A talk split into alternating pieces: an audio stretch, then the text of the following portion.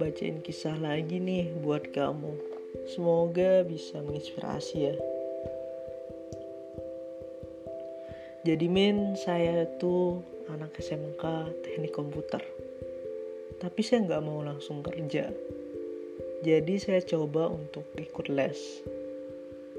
Pertamanya saya lumayan merasa drop karena teman-teman saya yang berasal dari SMA itu paham semua tentang pelajaran saintek. Saya agak merasa minder jadinya.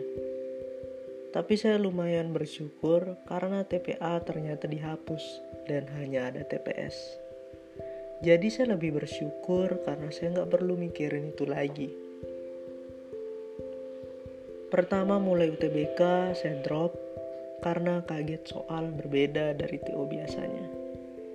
Dan lagi saya takut ternyata jurusan ilmu komputer di PTN yang saya tuju termasuk yang daya saingnya sangat tinggi.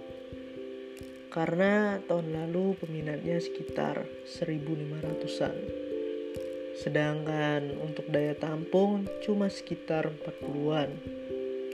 Saya takut dengan persaingan yang segitu banyaknya apakah saya yang anak SMK sanggup bersaing.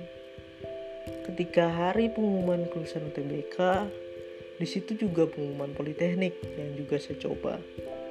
Saya drop karena pada saat pagi saya terima kabar kalau saya nggak lulus politeknik itu.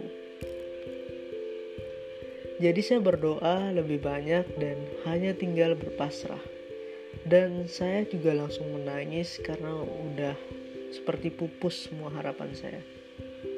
Saya langsung coba membuka web untuk pengumuman hasil UTBK sambil menunggu counting down-nya yang tinggal sekitar 3 menit dengan wajah yang lesu. Setelah countdown-nya selesai, saya langsung mencari nama saya. Dan ternyata Allah punya rencana sendiri. Saya lulus di jurusan di PTN yang saya tuju. Saya langsung teriak keluar kamar. Saya peluk seluruh keluarga saya. Sambil nangis terharu juga. Saya bersyukur karena Allah memberi saya kesempatan dengan cara terbaiknya.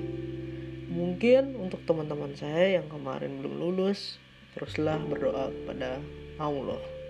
Dialah yang bisa membuat sesuatu yang mustahil menjadi nyata. Dan untuk adik-adik kelas yang anak SMK juga, Jangan menyerah untuk bisa raih mimpi. Jangan cepat menyerah karena kalian juga pasti bisa. Dan jangan lupa berdoa. Salam dari aku, Reza Yudhistira. See you di next episode.